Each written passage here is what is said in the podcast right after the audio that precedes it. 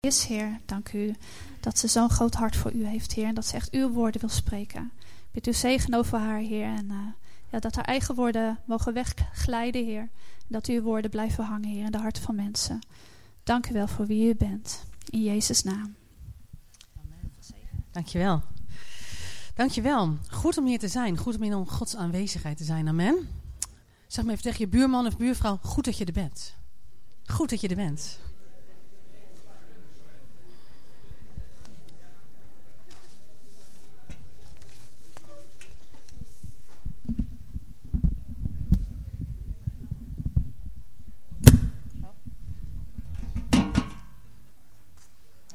Tijd nodig hoor.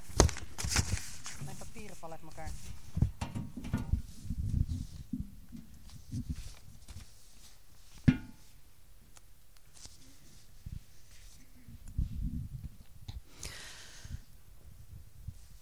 Ik wil met jullie vandaag spreken over Gods verbonden. De verbonden van God. Wij zijn niet zo gewend in het Westen om te spreken, om na te denken, om te denken vanuit de verbonden. Maar God wel. En daarom wil ik jullie meenemen in een stukje geschiedenis naar het oude nabije oosten, de regio waar Israël ligt. En ongeveer 1500 tot 1200 voor Christus leefde een heel machtig volk, de Hethieten. En de Hethieten, dat, zij komen van het, van het, dat is de zoon van Canaan. En dat is weer ergens de achterkleinzoon van Noach. Dat was een heel machtig volk en van deze groep is een uh, heel aantal verbonden gevonden. Die zijn bewaard gebleven op een of andere manier.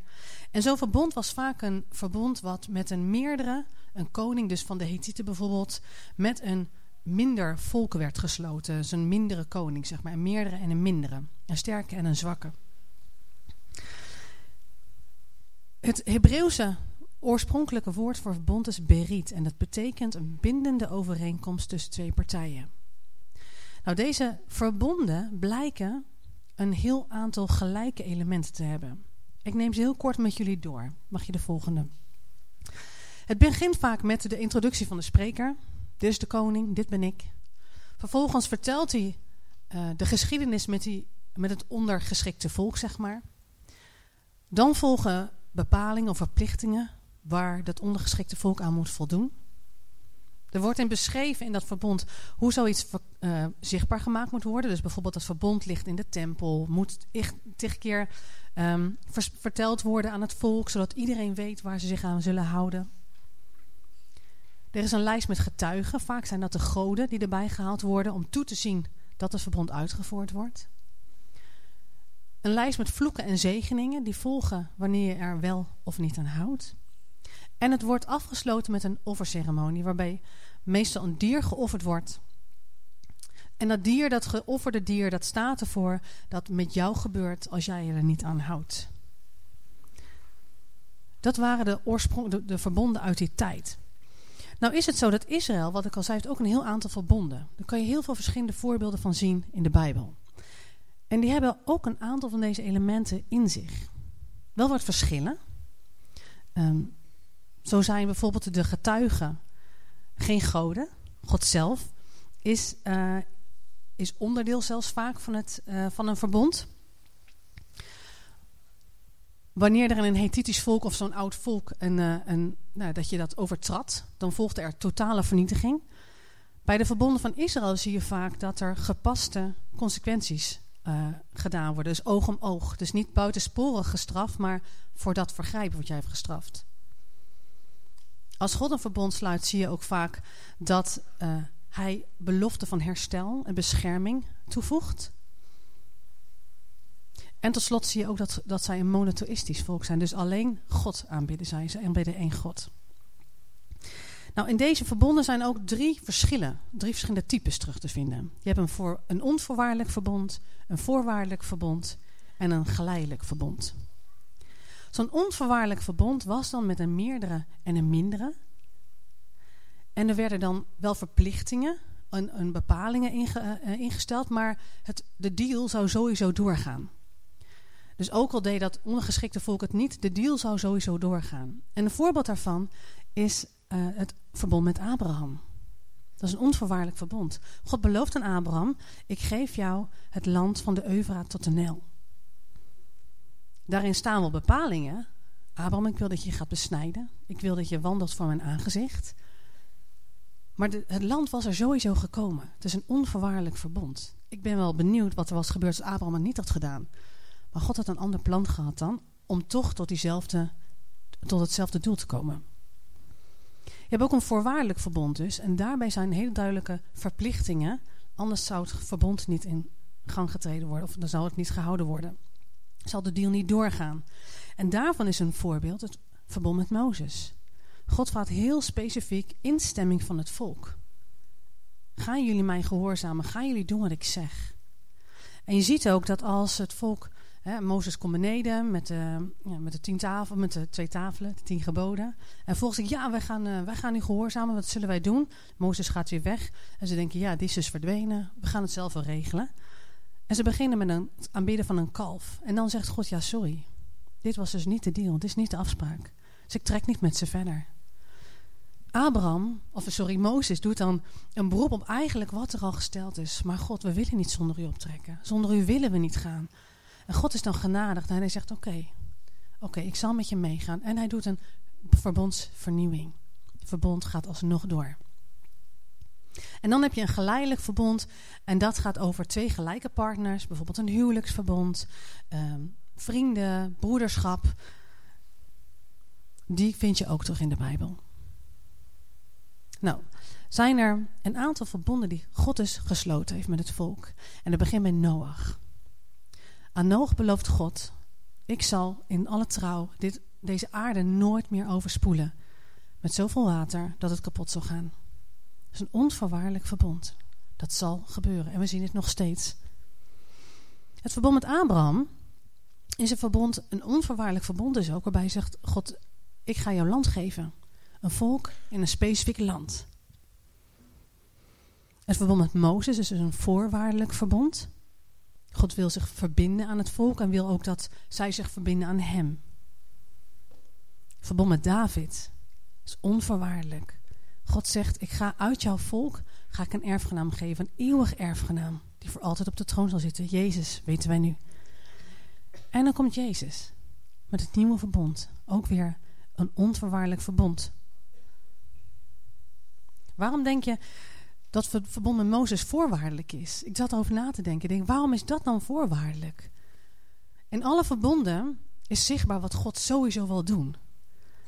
Maar in het verbond met Mozes is heel duidelijk dat God ook wil zien van het volk dat zij kiezen. God wil hun keus zijn. En daarom was dat op dat moment een voorwaardelijk verbond. Nou gelden die verbonden dan nog steeds. Nou, onze Bijbel, ik, ik heb hem daar liggen. Ja, die heb ik nu niet nodig, is goed zo. daar staat het Oude en het Nieuwe Testament in. Nou, testament, het oorspronkelijke woord ervan is diatheke. Ook een woord voor verbond. Het is een Grieks woord.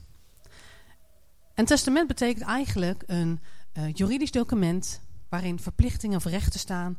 En het is een eenzijdig verbond.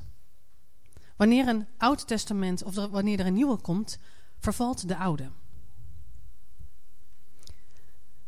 De vertalers zijn dus op het testamentdenken gezet. En het ergens wel begrijpelijk dan ook dat, misschien heb je, heb je wel eens van een vervangingsleer gehoord.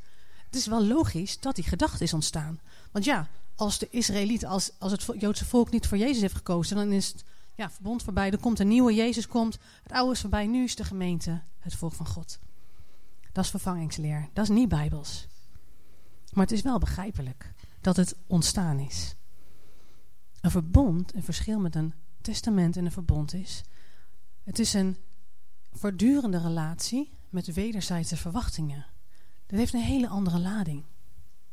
En binnen het Joods denken is het zo dat wanneer er een verbond is en er volgt een volgende, dan is het oude niet weg. Maar het is een versterking, een bekrachtiging van het oude en soms ook een uitbreiding. Dat God met Noach een verbond sloot. Ik ga deze aarde nooit meer onder water laten lopen. Dat staat nog steeds. Daarbovenop zegt God tegen Abraham: Ik ga er een volk, ga een volk maken en ik ga het een land geven. Dat staat nog steeds. Daarbovenop staat dat hij tegen David zegt: David, en uit dat volk ga ik een eeuwig erfgenaam geven. En daarbovenop komt Jezus. En Jezus heeft het nieuwe verbond. En mag je wel naar de volgende doen? Wordt al voorzegd in Jeremia. Daar staat verzeker: Dit is het verbond dat ik na die dagen met het huis van Israël sluiten zal. Zo spreekt de Heer. Ik zal mijn wetten hun binnenste geven en zal die in hun harten schrijven.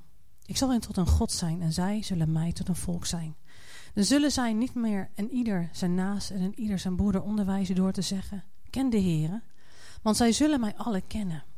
Vanaf hun kleinste tot hun grootste toe, spreekt de Heere. Want ik zal hun ongerechtigheid vergeven en aan hun zonde niet meer denken. Zoals je leest is het een versteviging van eerdere verbonden met het volk van Israël.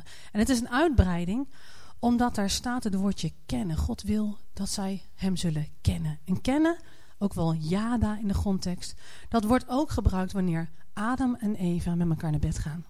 Zo intiem wil God ons kennen en hij, wij hem.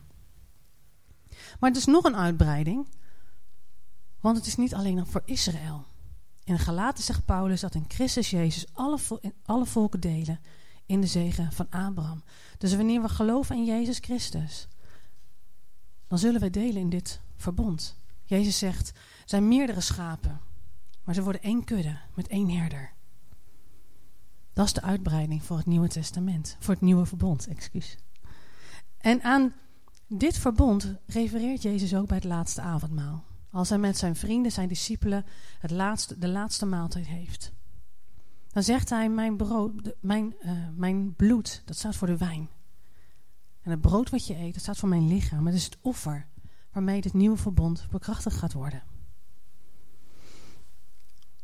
De bepalingen gelden dus nog steeds. Maar Jezus heeft ze vervuld. Hij zegt, ik ben niet gekomen om te ontbinden, maar om te vervullen. Jezus heeft op volmaakte wijze alle bepalingen die geschreven staan vervuld. Dat betekent dus dat Israël nog steeds Gods volk is. En dat kun je nog steeds zien in de getuigenissen die we nu nog kunnen lezen en horen. Er is een uh, christelijke stichting die werkt in Israël en die helpt kwetsbare groepen daar. En ik wil een stukje van hun nieuwsbrief van 9 november afgelopen jaar, een maand na de aanval van Hamas, wil ik voorlezen. In de religieuze, de stichting heet Yad Lami. Goed om te weten misschien. In de religieuze kibbutz Sa'ad ondersteunen we al jaren het meisjehuis en de school met onder andere paardentherapie die door Gagai gegeven wordt. Ik weet niet wie Gagai is, maar... Toen Hamas op 7 oktober het zuiden binnenviel, werd ook Sa'ad door de terroristen aangevallen. Gagai was een van de security mensen die de kibbutz heeft verdedigd. En tijdens een interview voor de Israëlische media deelde hij een bijzonder getuigenis. Bij de gesloten poort van Sa'ad waren ze in een hevig vuurgevecht met de Hamas-strijders geraakt. De situatie was haast onhoudbaar en ze wisten niet hoe lang ze nog vol konden houden, om de terroristen buiten de kibbutz te houden. Terwijl de inwoners in hun schuilkelders baden om Gods bescherming en voor het leger, kwam er plotseling een tank van het leger. En deze verdediging was zo krachtig dat de terroristen er vandoor gingen, richting Sederot. Gagai vertelde dat ze geprobeerd hebben te achterhalen van welke legerunit deze tank was. Wie had hen gered? Maar tot op de dag van vandaag is het niet bekend waar de tank vandaan kwam. Van de inwoners van Saad die op die dag thuis waren, is niemand gewond geraakt, niemand gedood en niemand gekidnapt. Ik krijg elke keer kippenvel als ik het lees. Er gaat een Joods geluidsfilmpje rond. Dat het verhaal vertelt van een elite team soldaten in Gaza. De afgelopen periode dus. Nou, dat stukje waar zij waren was zo uitgestorven. Was duisternis, was geen dier meer, niks meer te horen. Het was helemaal pikkendonker. En dat team, dat zag geen hand voor ogen. En zij hadden de, de, de opdracht om terroristen en explosieven te gaan zoeken. Nou, die commandant hadden 36 uur niet geslapen. En ze liepen daar schouder aan schouder, zo zeg maar. En op een gegeven moment houdt daar een witte duif voor die commandant stil. Nou, die man denkt, ik ben aan het hallucineren, ik zie ze vliegen. Dus hij wil naar voren om een beweging te maken, om te kijken, ben ik aan het hallucineren? Maar met dat hij dat doet, is er een draad naar zoveel explosieven zichtbaar, dat als ze een stap hadden gezet, ze ontploft waren. Een ander verhaal, ook waar gebeurd, van Chris Kaalse gehoord. Misschien kennen jullie hem wel, hij heeft heel veel kennis hieruit. Um, gaat over de oorlog van Israël in 1973. Een commandant is bezig terug te trekken van een, uh, een confrontatie met het Syrische leger, maar ze zitten helemaal klem. Ze zijn in een mijnenveld beland. En kruipen om te kijken waar dan die mijnen zitten, want ze kunnen, geen, ja, ze kunnen niet weg. Op dat moment doet zo'n soldaat een gebed en er steekt ineens een storm op. En die storm die waait al het vuil weg, waardoor alle mijnen zichtbaar zijn en ze gewoon veilig weg kunnen. Dit is God. Dit is God die zich aan Israël blijft verbinden. Nog steeds. Wat betekent dan het nieuwe verbond? Misschien wil je de vierde doen. De inhoud van het nieuwe verbond. Ik heb het net al een stuk gelezen, maar je kunt in Jeremia, Hosea, kun je meer vinden. Ik zal mijn wet in hun hart schrijven, zegt God. Wanneer je de wet in je hart beschreven wordt, dat betekent het dat je niet meer vanuit je hoofd stom gehoorzaam gewoon dom doet wat er gezegd wordt, maar dat het naar je hart landt. Dan wil je dat heel graag. Dan is het wat jij ook graag wil. En als God zegt: Ik zal een tot een God zijn en zij zullen mij tot een volk zijn. Dat betekent dus dat de Almachtige, de wonderbaarlijke, de miracle worker, dat Hij zegt: Ik ben jouw God. Hij verbindt zich die Allerhoogste. Jong en oud zullen mij kennen. Moet je bedenken dat er een tijd komt dat baby's, ouderen en iedereen daartussen heeft persoonlijke ontmoetingen met God. Dat is onderdeel van de deal. Ik zal hun ongerechtigheid vergeven en hun zonde niet meer denken. Totale vergeving. Ik zal ze uit de landen waarheen ik ze verdreven heb bijeenbrengen en ze onbezorgd in hun land doen wonen. God gaat een thuis geven. Een eeuwig thuis waar je mag zijn zoals je bent. Ik zal hen één weg en één hart geven om mij te vrezen. Wanneer je één weg en één hart hebt, dat betekent dat je niet dubbelhartig bent. Eén been in de wereld, andere been met God. Ja, een beetje dit, een beetje dat. Je bent wholehearted. Niet dubbelhartig, maar één hart dat helemaal naar hem uitgaat. En dan om te vrezen. Vrezen, ik heb het wel eens vaak gezegd, het heeft niks met angst te maken. Het heeft met diep ontzag. Want wanneer je doet wat hij zegt, wanneer je vanuit je hart dus hem dient en hem volgt, elke keer dat je dat doet, is een kans om een ontmoeting met God. Elk moment dat jij kiest om God te dienen, is een kans om hem te ontmoeten. En als je dat dus doet, dan ga je hem zien en wat hij in jou doet, wordt zichtbaar naar een ander. Dus het verspiegelt net als Mozes die God had ontmoet, de achterkant van God had gezien, die glans, dat maakt dat we hem zien. En anderen gaan het ook zien. Maar dat maakt dus ook dat we zo diep in ontzag komen voor hem. Dan zegt God, hun ten goede en hun kinderen, um, uh, hun ten goede en hun kinderen na hen. Ik zal een eeuwig verbond sluiten en mij niet van hen afwenden. God zal zich nooit van ons afwenden. Er is geen moment in God dat hij zich afwendt van jou. Ik zal me over hen verblijden en hen goed doen. Nou, goed is hier bij God altijd met een hoofdletter G. Hij is zo volmaakt. Hij is zo goed. Wat hij doet is volmaakt en goed. En dat wil God aan je doen. Ik zal ze met heel mijn hart, mijn ziel en trouw in het land planten. God zet alles van zichzelf erachter om jou te funderen wanneer je in het verbond met Hem bent. Er is niet, en dat geldt natuurlijk ook voor Israël zelf. Hè? In het land plant heeft ook met Israël zelf te maken. Maar als wij geloven in Jezus, dan geldt het ook voor ons. Er zal niets in mijn, er zal niets dat mijn, er is niets, sorry, dat mijn verbond niet kan doen. En David zal ontelbaar nakomelingen hebben. Er is niemand groter als God. Niemand machtiger. Niemand sterker. Er is ook niemand die dit woord teniet kan doen. Ik zal een verbond met ze sluiten, hun vijanden van hen wegnemen. Er wordt voor altijd afgerekend met de vijand. Dat moment gaat komen. Ze zullen onbezorgd leven in die veiligheid. Ik zal hen als mijn bruid nemen in recht en gerechtigheid. Wanneer God je als bruid neemt, ons als bruid neemt in recht en gerechtigheid, betekent dat dat we zonder zonde zullen zijn. Dat we een pure, onbevlekte bruid zullen zijn. Dat we passen in zijn recht en gerechtigheid. Er gaat een tijd komen dat, ja, nu als ik naar mezelf kijk, dan ben ik deel van de bruid. Maar dan denk ik, ja, hier, ik doe nog zoveel fout. Maar er komt een moment dat wij zo puur zullen zijn dat ons hart volledig holhardend naar hem uitgaat. En dat zal iedereen zien. In liefde en ontferming. Pure wederzijdse liefde. Ik zal trouw aan ze zijn en zij zullen de Heer intiem kennen. Moet je bedenken, dit is ook nog iets, dat is al gestart, maar het gaat ook nog komen. Hè? En dat betekent dus dat eeuwige trouw. Ik weet niet of je in een relatie bent of bent geweest. En dan ken je wel van die momenten dat je denkt... Nou, we hebben wel weer een beetje een boost nodig. Het is een beetje een sleur geworden. Maar bij God zal dat moment nooit komen. God is altijd, heeft altijd die verse boost. Altijd, ik wil altijd voor jou kiezen. Ik zal altijd al in jou zijn. Dat is er altijd. Dat stopt nooit. Dit verbond is gesloten na het Pesachmaaltijd. De avondmaaltijd, de laatste avondmaal. Wat Jezus had met zijn discipelen. En Jezus vertelt heel veel over dit nieuwe verbond. Als je leest in Johannes 13 tot 17. Het is prachtig wat je daarin leest. En als je dat doet, dan zul je herkennen dat er een aantal elementen van die verbonden terug te vinden zijn. Want Jezus introduceert zichzelf dan als de Heer en Meester die hun de voeten wast.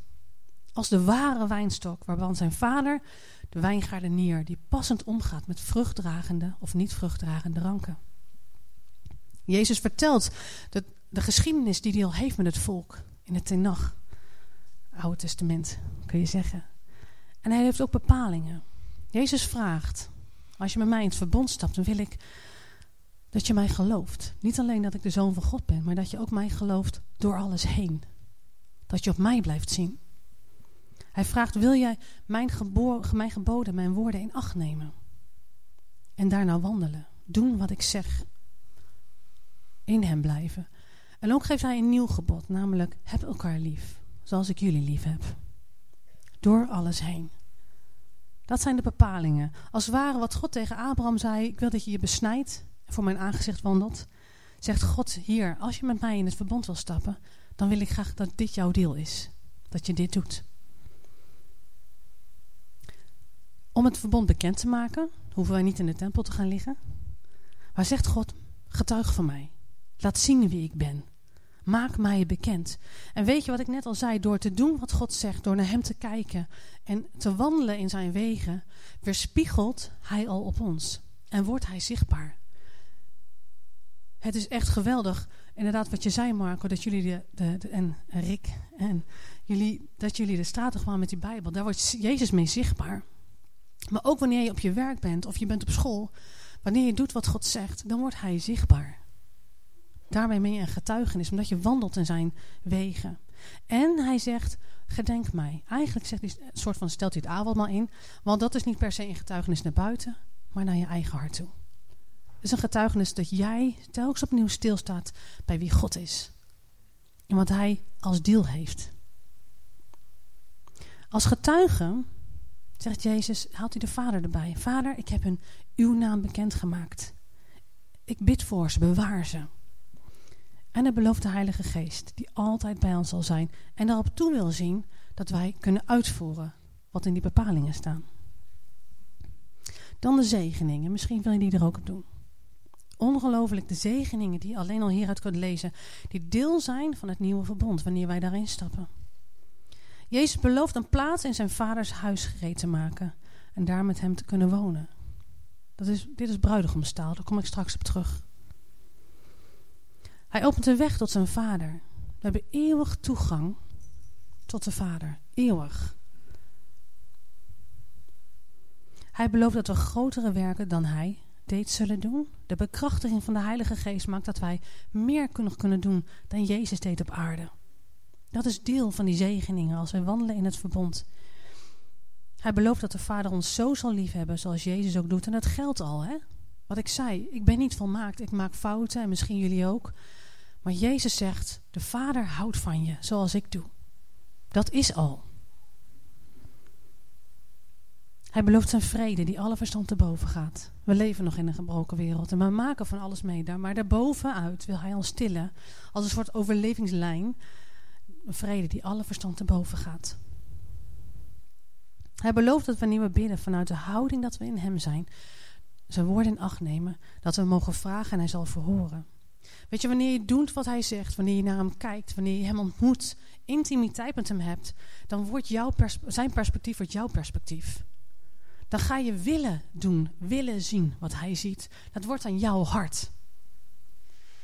En als je dan vraagt, Heer, dan zegt hij natuurlijk. Want we bidden in lijn met hem. Hij belooft dat hij ons, hij zegt dat hij ons een vrienden zal noemen. En vrucht zullen dragen. En vrucht dragen is eigenlijk dat het koninkrijk door jou zichtbaar wordt. Dat heeft te maken met genezing en bevrijding. Het heeft te maken met dat mensen Jezus zullen zien. Het heeft te maken met dat jij doet waar God jou voor geroepen heeft. En door jou heen zichtbaar wil worden. Overal. De bovennatuurlijke blijdschap is ook jouw deel. Ook weer een blijdschap die wij niet kennen, maar die God wil geven. Boven alles uit. Hij belooft dat we tot een eeuwigheid in de meest intieme manier met hem zullen leven. Dat we hem zullen kennen. Hij belooft dat de Heilige Geest niet alleen als getuige aanwezig is, maar dat hij ook troost en onderwijst, de waarheid laat zien, ons toekomstige dingen wil laten zien. En als zegen ontvangen we de bescherming van de Vader. Hij is onze backup. Hij staat achter ons en zullen we één met hem zijn. Dat is een onvoorwaardelijk verbond. Waar je vrij bent om in te stappen. Het verbond is een aanbod. De deal staat sowieso. God gaat het sowieso doen. Maar het is aan een ieder om daarin te kiezen. Je hebt een vrije keuze om dat te doen. Je kunt het ook niet doen. Dan gelden deze bepalingen niet voor jou. Geldt het deal ook niet, maar die keuze heb je. Daar ben je vrij. Waar je dan bent, kun je ook een vloek noemen. Want dan ben je buiten waar God is. En daar is vuur, zegt de Bijbel. En Jezus bevestigt dit, bekrachtigt dit verbond met zijn offer, met zijn eigen leven. Nou, zoals gezegd, blijven dus de bepalingen staan. Maar Jezus heeft op volmaakte manier de bepalingen vervuld.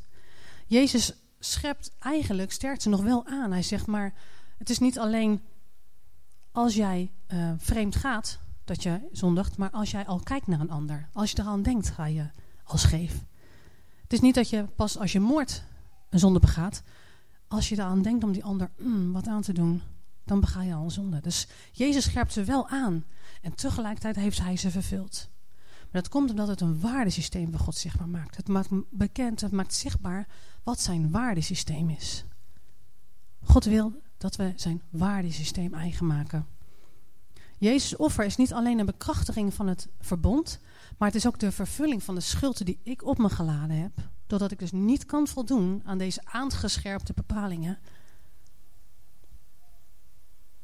Daar, dat is ook het deel van het offer van Jezus, dat Hij heeft die schuld ingelost. Van ons vraagt God dat wij zijn waardesysteem eigen maken en daarna leven. Mag we naar de laatste. Het nieuwe verbond refereert ook aan een bruiloft. Ik noemde het net al. En een bruiloft is een verbond, een heel krachtig, geleidelijk verbond.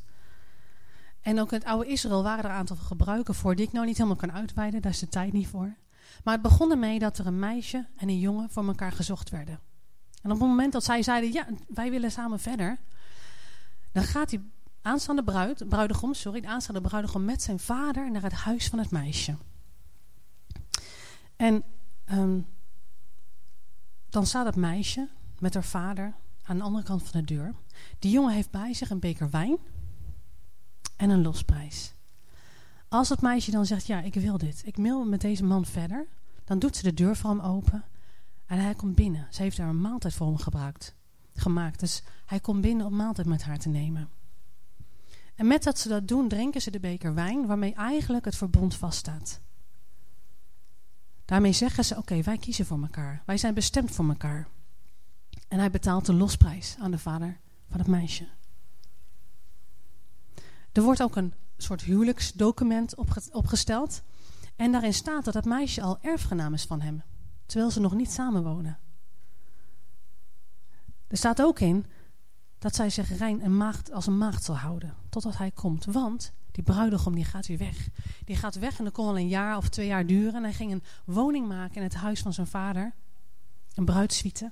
Waar de bruiloft werkelijk plaats zou vinden. In de tussentijd bereidt het meisje zich voor. Ze gaat door reinigingsbaden en ze leeft gesluierd. En dat betekent, ik ben bezet. Ik heb al een man. Ook al zijn we nog niet officieel, de, de is nog niet geweest, maar we horen al bij elkaar. Het verbond is al gesloten. En dan komt de jongen terug op het moment dat het huis klaar is om de bruid te halen. Zoals je ziet heeft het nieuwe verbond heeft elementen, of is, wordt eigenlijk betrokken in het bruiloftsverbond. Want op het moment dat Jezus kwam en wij zeiden, ja Jezus, wij willen u leren kennen, wij willen ons hart aan u geven, deden wij de deur open en komt hij binnen om maaltijd met ons te houden. Hij betaalt een losprijs. We drinken de beker wijn, waarbij we zeggen, Jezus, ik ben van nu. En Jezus zegt, ja, je bent mijn erfgenaam. Nu leven wij in een tijd alsof we gesluierd zijn. Gesluierd voor hem, want we zijn bezet. Niet bezet, maar we zijn exclusief, apart gezet. Een heilig, heilige positie is dat voor hem, tot Jezus terugkomt.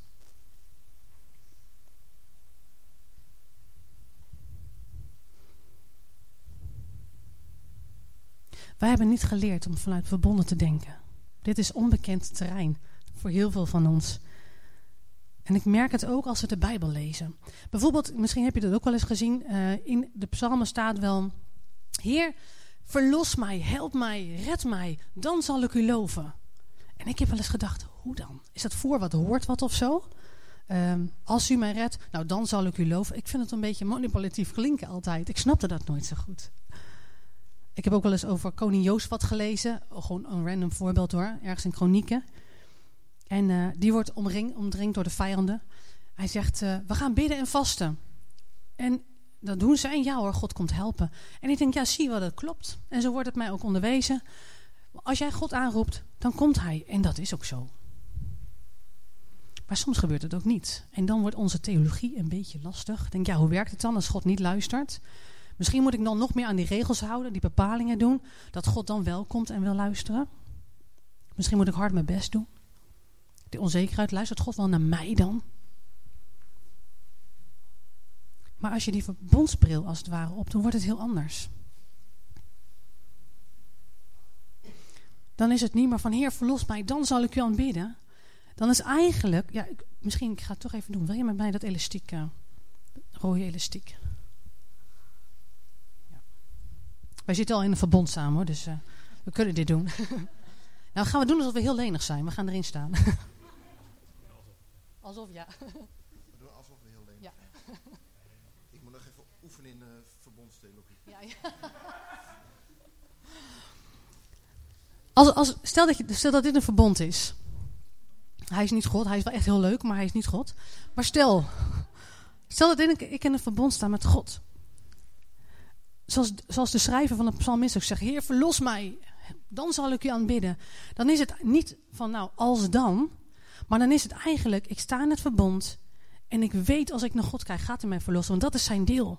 Mijn deel is dat ik hem aanbid, dat ik naar hem kijk en dat ik verwacht van hem. En hij wil dat ik in mijn mond neem wat in mijn hart is, namelijk, ik weet dat u mij gaat verlossen. Ik weet dat u mij zult redden. Ik weet dat u het zult doen. Maar u wilt het van mij horen, want u wilt mijn hart kennen. En daarom zeg ik, Heer, verlos mij. Eigenlijk een blijk van vertrouwen is het. En dan wordt het heel anders. En dan zegt God, natuurlijk red ik jou. En dan zeg ik, ja natuurlijk, Heer, ik wil u aanbidden. En die koning Jozefat, die zei, we gaan, uh, we gaan vasten, bidden en vasten. Die zei eigenlijk, jongens, onthoud, we staan in een verbond. We geloven dat God gaat doen wat hij heeft beloofd, want dat is immers zijn deel. En ons deel is dat wij laten zien dat we ons vertrouwen op Hem stellen. Dus we gaan bidden en we gaan vasten. We gaan ons hart op Hem stellen in de verwachting dat God komt. En ja, tuurlijk zegt God, kom ik. Want het is mijn deel. Dat is hoe een verbond werkt. Dankjewel. Thank you.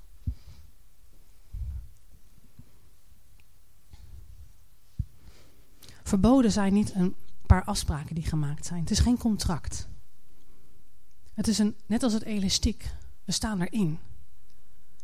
En dan kan het wel zijn, kijk, als in mijn gedachten hoe het was, van een als-dan gedachte, dan is het alsof je een touw vasthoudt. En in het verbond met God, maar dan als je iets doet wat niet kan, of wat, niet bij God hoort, of je kijkt even de andere kant op, leg je dat touw neer en loop je weg. En dan denk je, oh nee, dat is niet Sorry hier. Je pakt het touw weer op en ja, we staan gelukkig weer in, in verbinding. Het is als een elastiek. We staan weer in. Als je vrijwillig kiest om met elastiek te staan, niet dat het rekbaar is, maar je snapt wat ik bedoel. Dan zijn die zegeningen voor jou. Dan is die deal voor jou. En dan kan het nog wel zijn dat je soms een andere kant op kijkt. Dat doe ik ook. Denk, oh heer, dit had ik niet moeten doen. En wat er dan gebeurt, dan gaat God je najagen. Dat zie je ook bij het volk van Israël. Hij gaat ze najagen. Chasing after you. We zongen het, we zongen het niet, maar je speelt het net. He's chasing after us. Hij zoekt ons. En dat is niet altijd leuk. Dat doet best wel eens pijn. Maar hij wil dat wij weer naar hem gaan kijken binnen dat verbond. Dat verbond is vrijwillig. Daar mag je instappen. Maar het is dan niet vrijblijvend. Want er zijn immers wel bepalingen. Maar toch is het niet met mes op de keel. Het blijft een vrije keuze. En God zegt, als jij dan toch een andere kant op kijkt. Ik weet dat je echt naar mij wil kijken. Ik weet dat het beter voor je is. Dus ik ga je najagen. En als we dat niet begrijpen, dan hebben we het gevoel dat God tegen ons is. Dat de dingen tegen ons zijn. Maar God wil je hart. Hij zoekt je hart. En daarom wordt het soms niet altijd leuker. Maar hè, dat zie je ook wel er staat. Dat als iemand zondigt in de gemeente Ga met hem in gesprek en op een gegeven moment na een x aantal fasen zeg je ja, sorry, laat hem dan. Maar niet van nou, hij is laat maar, ik kom nooit meer goed met diegene. Nee, we willen dat hij terugkomt. We willen dat hij God ziet. God jaagt ons na. We leven gesluierd in een gesluierde periode. Wachten tot de bruidegom komt. En ik weet niet hoe dat met jullie is, maar de wereld wordt steeds donkerder alsof hij in de fik staat onheilspellende berichten. We worden erna van, misschien wil de muziek weer komen. Misschien keer wel persoonlijke moeite. En soms snappen we het niet. Hier, waarom gebeuren dingen?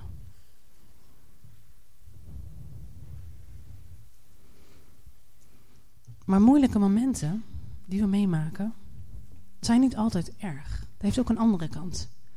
Wanneer je door moeilijke tijden gaat, komt soms omhoog wat er werkelijk is. Wat er werkelijk in je hart leeft. Het is niet een gezegde welvaart doet bidden. Nee, nood doet bidden. Soms zijn moeilijke momenten de, de mogelijk, de kans om te ontdekken wat leeft er werkelijk in mij. Naar wie kijk ik? En ik heb, ik heb het ook wel eens gedeeld in mijn eigen leven. Ook momenten gekend dat ik, dat ik het niet meer snapte. Dat mijn knieën blauw gebeden had. Dat er niks gebeurde. En had ik een keus, Heer, wat doe ik? Als, als u dit bent, dan wil ik niet, dan houd het op en kijk weg. Die keuze had ik. Ik voelde dat ook. Maar ik kon ook kiezen, Heer, al gebeurt er niets, iets wat ik niet snap. En ik zie u niet bewegen, maar ik wil u er doorheen leren kennen. Er dwars doorheen. En daarvoor heb ik gekozen. En ik heb ontdekt, God is echt betrokken. Hij is echt trouw. Hij is echt machtig bij machten om dingen te doen. De situatie is niet veranderd. Maar ik zie bewegingen. En die bewegingen verrassen mij. En ik denk, heer, dit kan niet anders dan van nu zijn. God is soeverein. Hè? Hij kan doen wat hij wil. Maar hij beweegt. En hij laat me zien, kijk, dit is mijn beweging. En hier ben ik bezig. En het zijn dingen die ik niet kan bedenken, die ik niet had kunnen voorstellen. En het kan zijn dat je in een situatie zit die een oplossing nodig heeft. Het kan ook zijn dat je in een proces zit wat gewoon heel zwaar is. Maar deze momenten die kunnen een moment zijn dat je zegt: Heer, ik wil u doorheen leren kennen. Ik kies. Ik kies voor u. Ik wil u zien hier doorheen.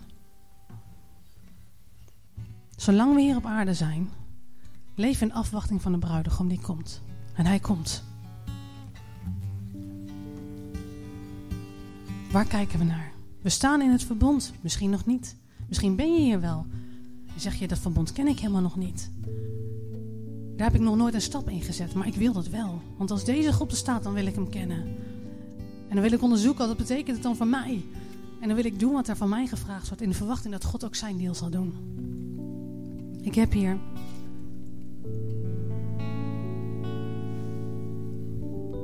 Een man met allemaal avondmaalskupjes. Er is een heel, heel klein broodje op. Het eerste lipje is een broodje, het tweede is de wijntje.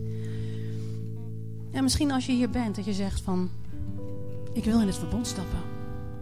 Ik wil dit. Ik wil het aangaan. Dan nodig ik je uit zometeen om naar voren te komen. En met mij een avondmaal te vieren.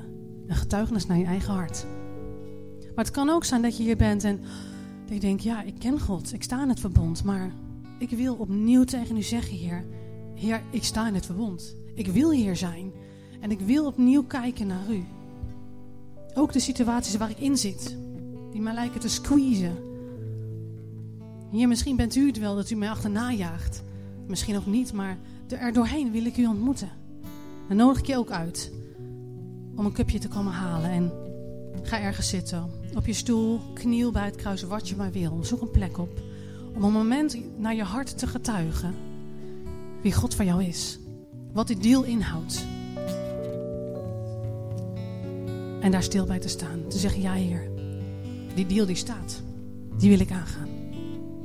Dus kom maar nou, als je wil, kom maar naar voren. Dan mag je een, een cupje pakken.